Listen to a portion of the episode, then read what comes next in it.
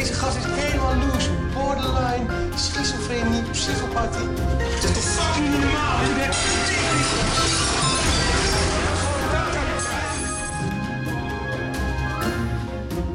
Dit is Uit de Gouden Kooi, een podcast van de VPRO-gids. Aflevering 2. Dat is toch fucking niet normaal? Je kan het stom vinden, maar het vakmanschap was onmiskenbaar. Ik ben trots op dat ik aan de Gouden Kooi eh, heb meegedaan. Mega trots. Ik ben Elja Looijenstein, redacteur van de VPRO-gids. En dit is Huub. Ik ken hem al heel lang. We zaten samen in de brugklas en op dezelfde sportclub. In de zomer van 2007 zit hij al acht maanden opgesloten in een luxe villa vol camera's. Hij is 24 uur per dag via een livestream op internet te volgen. Dagelijks om half acht is de uitzending op televisie. Aanvankelijk vertelde ik op feestjes nog wel eens trots dat Huub uit de Gouden Kooi een bekende van me is. Maar de taferelen in het realityprogramma beginnen steeds meer uit de hand te lopen. Goedenavond en welkom bij Nova. Een bijna verkrachting, gemep en een verbaal geweld. Het zijn zo langzamerhand de kenmerken van de real-life serie De Gouden Kooi van John de Mol. Nou, sowieso is het raar dat je eh, pesten en treiteren als zijn doel in een programma gaat promoten. Terwijl het eh, in alle opzichten in Nederland, in de samenleving, wordt tegengegaan en wordt bestreden. Daarnaast zie je dat in het programma De Gouden Kooi dagelijks sprake is van eh, verbaal geweld, maar vooral ook fysiek geweld. En afgelopen dagen zag je een, een, een aanrandingsscène waarvan veel mensen zeggen van ja, dit zou niet moeten kunnen. Joop Atsma doet op de vechtpartij deze week in het huis, waarbij drie bewoonsters een vierde in de vijver willen gooien. Haar vriend die wil helpen, wordt door de overige mannen in de villa tegengehouden. De hele scène was te zien op internet, waar de show 24 uur per dag te volgen is. Die vrouw is Lieke, de deelnemster met wie Huub op dat moment een relatie heeft. Tussen het koppel en de andere miljonairs is het bijna dagelijks bonje. Het zijn allemaal opgefokte types en de spanningen lopen steeds verder op. Uiteindelijk hebben wij dit programma er, er zelf van gemaakt als deelnemers. Als je al gecoacht werd, dan was het op de-escalatie. Een vechtpartij zou het einde van de kooi betekenen. Hè? Snap je? Ja, tuurlijk. Dat is gewoon strafbaar. Hè? Als ik mijn vuist in het gezicht van Brian zou doen, dan heb je gewoon een probleem. Dan heb je gewoon als productie ook een probleem. Dat is een proces. Niet vergeten, 600 afleveringen. 600 afleveringen. De Gouden Kooi wordt nog spraakmakender. Maar zelf kijk ik steeds minder. Ik heb er geen morele problemen mee, maar de agressieve sfeer in de villa vind ik naar om te zien. Als je Amanda, nee, nee, nee! Amanda, nee, Huub, nee! Amanda! Nee, Huub, nee! Ik maak niet graag ruzie. Ruzie is niet leuk. Maar ik terg mensen wel graag. Ik hou van scherp. Ik vind dat ook leuk. Kijk, ruzie heeft iets, heeft iets doms in zich. Dus je wist precies de zwakke plekken van mensen en daar ging je dan op. Ja, absoluut. En nu ben ik van mezelf sowieso wel vrij manipulatief aangelegd. Dus ik vind het ook leuk. Op YouTube zijn allerlei compilaties te vinden met hoogtepunten uit de Gouden Kooi. Samen kijken we naar de uitspattingen van de jonge Huub.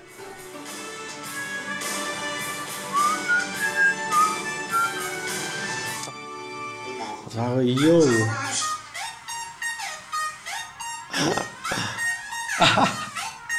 Oh ja, shit. Fucking idee, die vindt het leuk om mensen met fietskettingen in elkaar te slaan. Heb je enig idee wat voor gesticht je bent gestapt?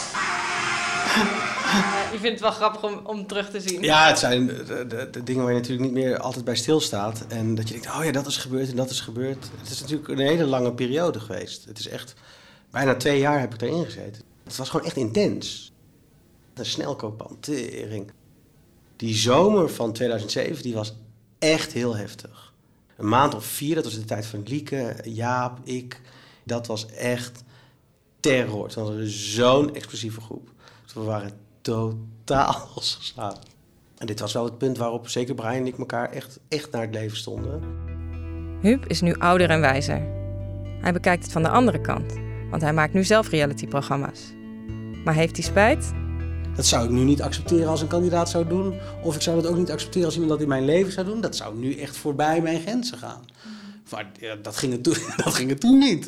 Ik vind het dan zo ook bijna, bijna een soort van laf om dan nu te zeggen van... Ja, dat ging wel heel... Ja, ik ben nu de 38-jarige Huub. Ik ben niet de 24-jarige Huub. Het wangedrag van die 24-jarige Huub is een bron van vermaak voor heel veel mensen. Waaronder schrijver en columnist Aaf Brand Korstius. Zij houdt van reality tv en raakt verslaafd aan de Gouden Kooi. Ze schrijft er zelfs over in de VPRO-gids, waar ik op dat moment als freelance journalist werk. Je moest elkaar echt het huis uitkrijgen. En wat dat losmaakte in die mensen, die daar natuurlijk ook wel op gecast waren, maar ja, hoe, hoe gemeen ze tegen elkaar deden en hoeveel ruzie ze maakten, dat, dat gaf zoveel drama en theater. En dat, dat bleef maar uh, spannend eigenlijk. En ook hoe, hoe ver mensen dan niet alleen gaan met elkaar, maar ook tegenover heel veel kijkers. Dat je dat gewoon durft. Dan had Huub weer gewoon Amanda's bontjas in de regen in de tuin gegooid. Weet je wel? Zo, zo, zo kinderachtig was het gewoon. Gewoon echt jennen. Aaf en haar man Gijs willen geen aflevering missen. Ik herinner me vooral een hele intense sessie dat we op vakantie waren geweest naar Thailand twee weken. En toen kwamen we terug, toen hadden we alles op zijn harde schijf, wat toen nog best wel een nieuw systeem was, zeg maar, opgenomen. En toen hebben we alle veertien afleveringen die we dus gemist hadden, nog eens even teruggekeken. Dus zo, het was niet van, ach, we pakken het wel op waar het was gebleven, weet je wel. We, nee, we wilden het echt allemaal zien. Dus dat zegt wel hoe fanatiek je over iets bent. Dat je het zo heerlijk vindt om het allemaal te kijken. Bij ons is Bob van der Meer, psycholoog. En uh, u doet sinds 1988 onderzoek naar pesten. En u verzet zich al vanaf het begin tegen dit programma. De Gouden Kooi, welkom. Wat is uw kwalificatie voor de makers die willens en wetens mensen tegen elkaar opzetten, manipuleren, uh, treiteren? De opdracht van het programma is aan de deelnemers om de ander zodanig te bewerken dat hij het huis verlaat. En de beloning is dat de winnaar, die de andere het huis heeft uh, uitgedreven, dat die uh, miljonair wordt. Ja, nou zitten die mensen daar willens en wetens. Ze hebben een contract ondertekend. Ze zijn hm. akkoord gegaan met alle voorwaarden. En dan gaan ze met elkaar vechten. Nou ja, daar hebben ze voor getekend. Nou, het, uh, je zou hierop kunnen zeggen dat aanzetten tot geweld, wat Zondemol doet, dat is strafbaar. De gouden kooi wordt gezien als het symbool van de verhuftering van de maatschappij. CDA Tweede Kamerlid Joop Atsma roept adverteerders op om het programma te boycotten. Volgens mij doet hij dat vooral om in beeld te komen bij de conservatieve kiezer. Maker John de Mol trekt zich niets aan van de kritiek en lijkt er zelfs wel van te genieten. Net als Huub. Ik vind de morele afweging, dat, die vind ik wel heel mooi. Die zegt ook heel veel over een samenleving. Zeg maar, dat zulke programma's binden ook heel veel mensen in te zeggen van, oh, dat kan niet. Dit moeten ze verbieden. Hier mag je niet in adverteren. Dit, weet je, heel veel mensen vinden daar iets van. Terwijl tegelijkertijd is het misschien ook wel een, ja, een spiegel, hoe je wilt, van wat er ook gewoon is. Maar mensen willen dat niet zien.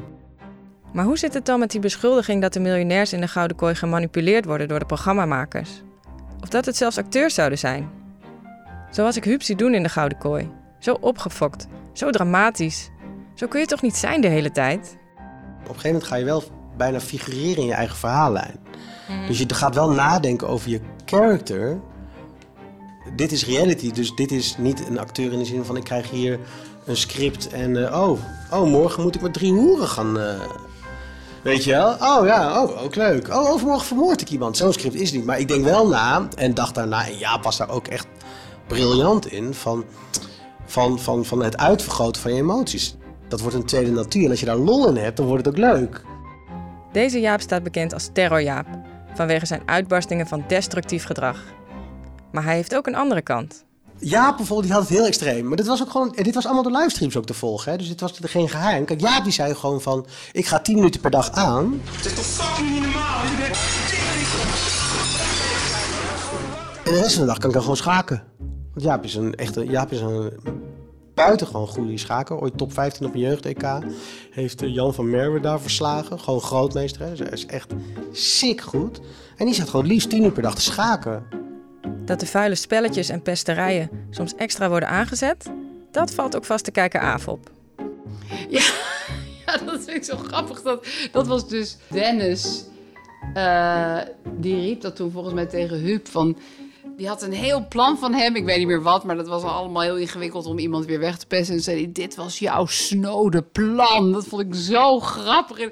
ja, nu zijn we dus, weet ik veel, hoeveel jaar later, zeg ik nog steeds heel vaak tegen Gijs, dit was jouw snode plan. Dat vond ik zo, dat ik ook dacht, zo snood zijn jullie allemaal helemaal niet. Weet je wel, het was allemaal zo obvious hoe mensen elkaar er daarin probeerden te luizen.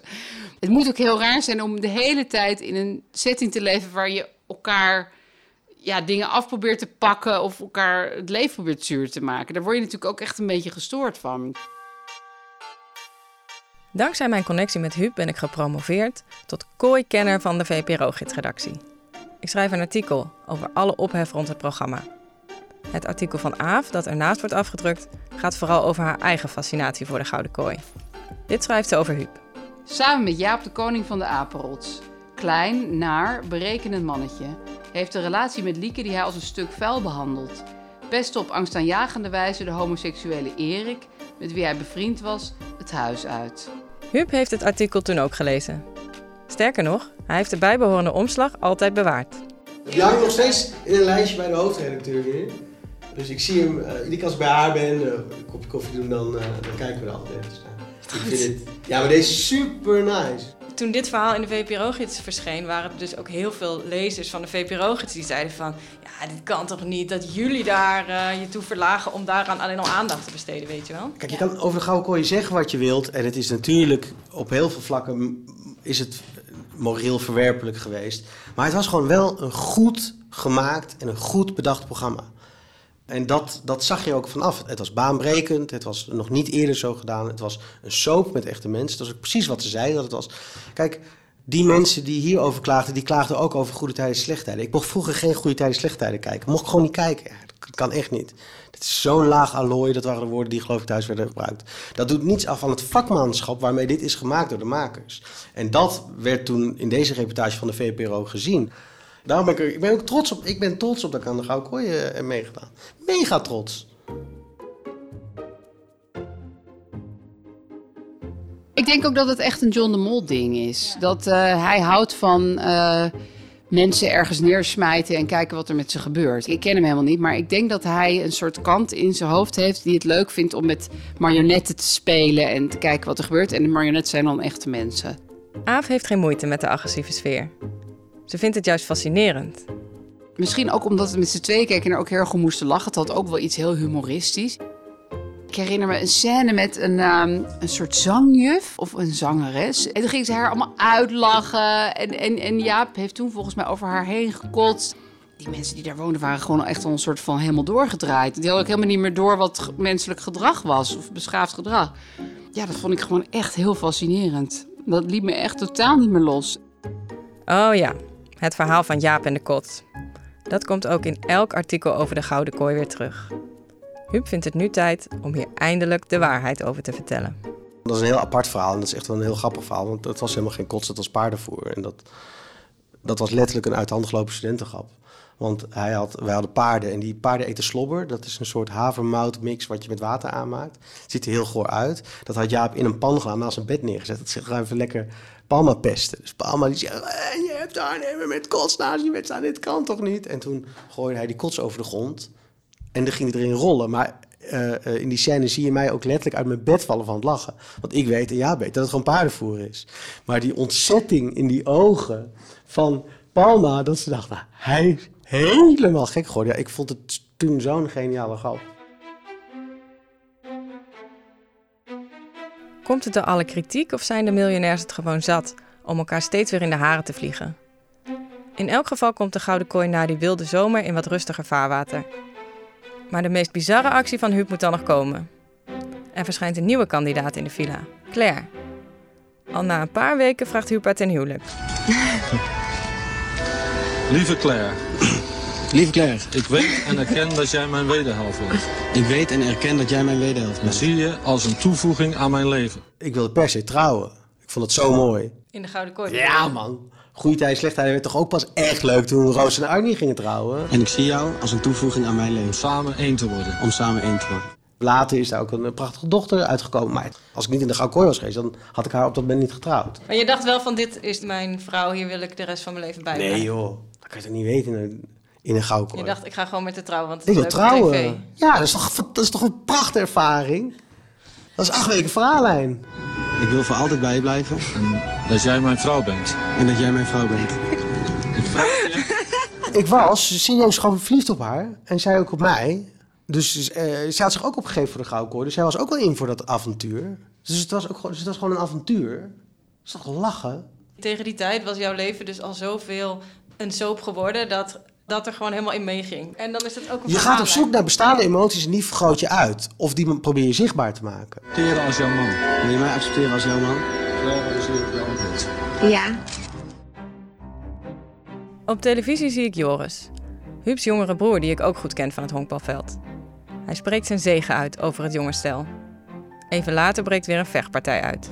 Huub, vriend, broer. Claire, ik ken jou eh, eigenlijk niet heel goed. Maar ik vind het hartstikke mooi om deze dag mee te eh, mogen maken.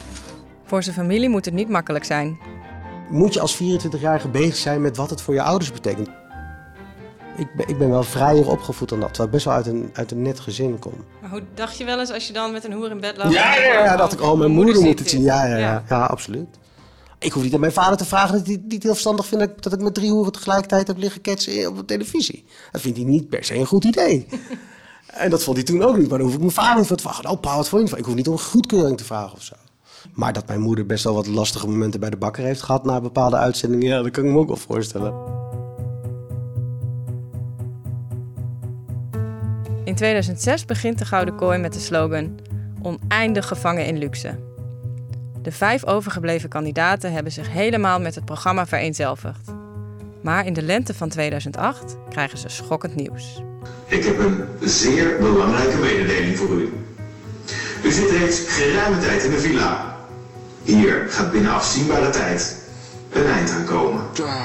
Op 22 mei zal er een grote finale plaatsvinden, waarin één van u zich tot winnaar en dus miljonair zal laten kronen. Is het echt zo dus? Ring, wat vind ik dit erg zeg. Ik ben echt helemaal stuk van man. Oh my god. Ik vind het zo erg dat ik straks weer naar huis moet. Ik shake gewoon helemaal. Maar ik baal wel ervan dat het stopt. Gaan we naar huis, jongens? Toen hoorde dat het ging stoppen en toen dachten we wel van, oh, dat was wel een shock. Het is bijna wie je op dat moment bent of zo. Je weet dat het niet voor eeuwig is. En dat was echt wel, dat was wel een shock. En toen zijn we naar de finale toe gaan werken. De finalisten zijn Huub, zijn vrouw Claire, zijn aardsrivaal Brian en stoeipoes Amanda. En de corpulente Jaap. Bekend van zijn slogan, dat is toch fucking niet normaal? Bij de Gouden Kooi was ik volgens mij aan het eind, dacht ik echt van ja, nu moet het maar stoppen. Ik, ik kon zelf niet ophouden met kijken, maar het was dus blijkbaar ook heel lang, langer dan ik me herinner. Dan moet je ook gewoon echt wel stoppen op een gegeven moment. Ik bedoel, het neemt ook tijd in beslag. Wij waren ook wel op. Wij waren met z'n vieren over. Nou, Claire, Claire kwam er toen heel laat in, in 2008 pas. Dus wij wisten al meteen, ja, die kan nooit winnen. Dus wij waren met z'n vieren wel de kern, maar wij waren wel... Op een gegeven moment werd het een soort van, ja, zijn we weer met de woorden te gooien? Gesprek met Brian ook gehad van, moet ik hier nog tien jaar ruzie met jou maken hier? Zulke soort gesprekken ga je dan hebben, want je kan niet weg. Dat is heel interessant. Ik ben ook wel klaar met het programma en kijk bijna nooit meer. Maar er zijn blijkbaar nog genoeg fans over. Op Koninginnedag treden de bewoners van de Gouden Kooi op in Amsterdam. Daar krijgen ze een klein voorproefje van wat ze buiten te wachten staat. Toen werden wij zeg maar, door de mensenmassa's, 20 man security eromheen, werden we naar dat podium geleid op Koninginnedag. Nou ja, je weet hoe toen Koninginnedag nog was in die tijd. Echt insane. En iedereen die werd gewoon helemaal wild. Toen dachten we echt wel, holy shit, weet je wel. 20.000 man helemaal gek zien worden omdat je op het podium staat. Toen dachten we wel van, oh, kut, we moeten volgende maand naar buiten. Dan is het zover. De grote finale met Bridget Maasland. 2 miljoen mensen zitten voor de buis. Samen kijken we een stukje terug. Ja, dat was heel spannend. Ik was ook veel afgevallen toen, echt veel stress. De derde miljonair die in de race is om de jackpot te gaan winnen. Want iedereen wil hem natuurlijk winnen. Maar deze man is echt de nagel aan de doodkist van Brian. En vanavond wordt het zijn avond. Tenminste, Wat een bekkies hadden we toen nog, jongen. Kijk, zo klein. Oh, vond ik dit spannend, zeg. Ik voel... Kijk dan. Ja, dat was echt zo ziek veel pers. Het was niet normaal. 26 jaar. Zit al 523 dagen in de villa. Dit vrouwenfluisterende duiveltje van de Gouden Kooi heeft heel wat meisjes mogen verslinden. Alleen blonde Claire is het gelukt hem te temmen. Sinds kort is Hutten ook getrouwd. Zijn liefhebbende echtgenote heeft de villa echter in de halve finale verlaten. En hij moet het dus nu helemaal alleen doen. Maar dat maakt voor Huub niets uit. Want hij ziet zichzelf als de ultieme winnaar van de Gouden Kooi. Ook Aaf zit voor de televisie en stuurt een sms'je om te stemmen. Nou, dan heb ik op Jaap gestemd. Ook wel omdat ik het hem wel gunde, weet je. Want met al, hij had dat programma, was toch een beetje de motor met al zijn gekkigheid. En hij heeft had zo hard gewerkt. Ja, ik vond wel dat hij dan moest winnen. Oh, ik ben sterven tegen hier.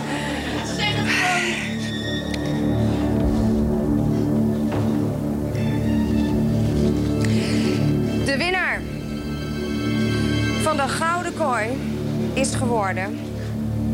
De grote winnaar. Het is ja! Vond het hartstikke vervelend dat ik verloor, maar ik heb dat meteen ook van me af kunnen laten glijden. Want ja, ik heb er wel alles aan gedaan. Dus, en dat vind ik, ja, dan kan ik me heel makkelijk bij, bij verlies neerleggen. Ja, eh, Jaap heeft gewoon slimmer gespeeld. We hadden afgesproken dat we die avond in de Gouden Kooi zouden blijven slapen. De volgende dag ga je eruit, dus ik verlies. Bruin was echt wel echt kapot ervan. Die, die dacht echt dat hij ging winnen. Ik zei dat ik dacht dat ik ging winnen. Volgende morgen zijn we het huis uitgegaan. Heel emotioneel afscheid. Het was echt heftig, jongen. Echt. Maar echt heel mooi. Het was ook voor het team natuurlijk. Dikke tranen. Ja, het is een avontuur. En uh, toen ben ik naar huis gebracht bij mijn moeder. En daar waren mijn vrienden en mijn familie. En uh, ja, en dan ben je thuis. En dan, uh, ja, dan ga je de gekste zomer van je leven in. Wat gebeurde er allemaal die zomer? Hoe ging het verder met kerstverse echtgenote Claire? En hoe werd kleine lastpak Huub een grote meneer achter de schermen van de reality-tv? Je hoort het in de derde en laatste aflevering van Uit de Gouden Kooi. Uit de Gouden Kooi is een podcast van de VPRO-gids. Gemaakt door mij, Elja Looijenstein. Met hulp van Cecile Elvers en Irene Houthuis. Techniek Alfred Koster en speciale dank aan Huub van Ballengooi. Kijk voor meer podcasts en podcasttips van de VPRO-gids op vprogids.nl/podcast.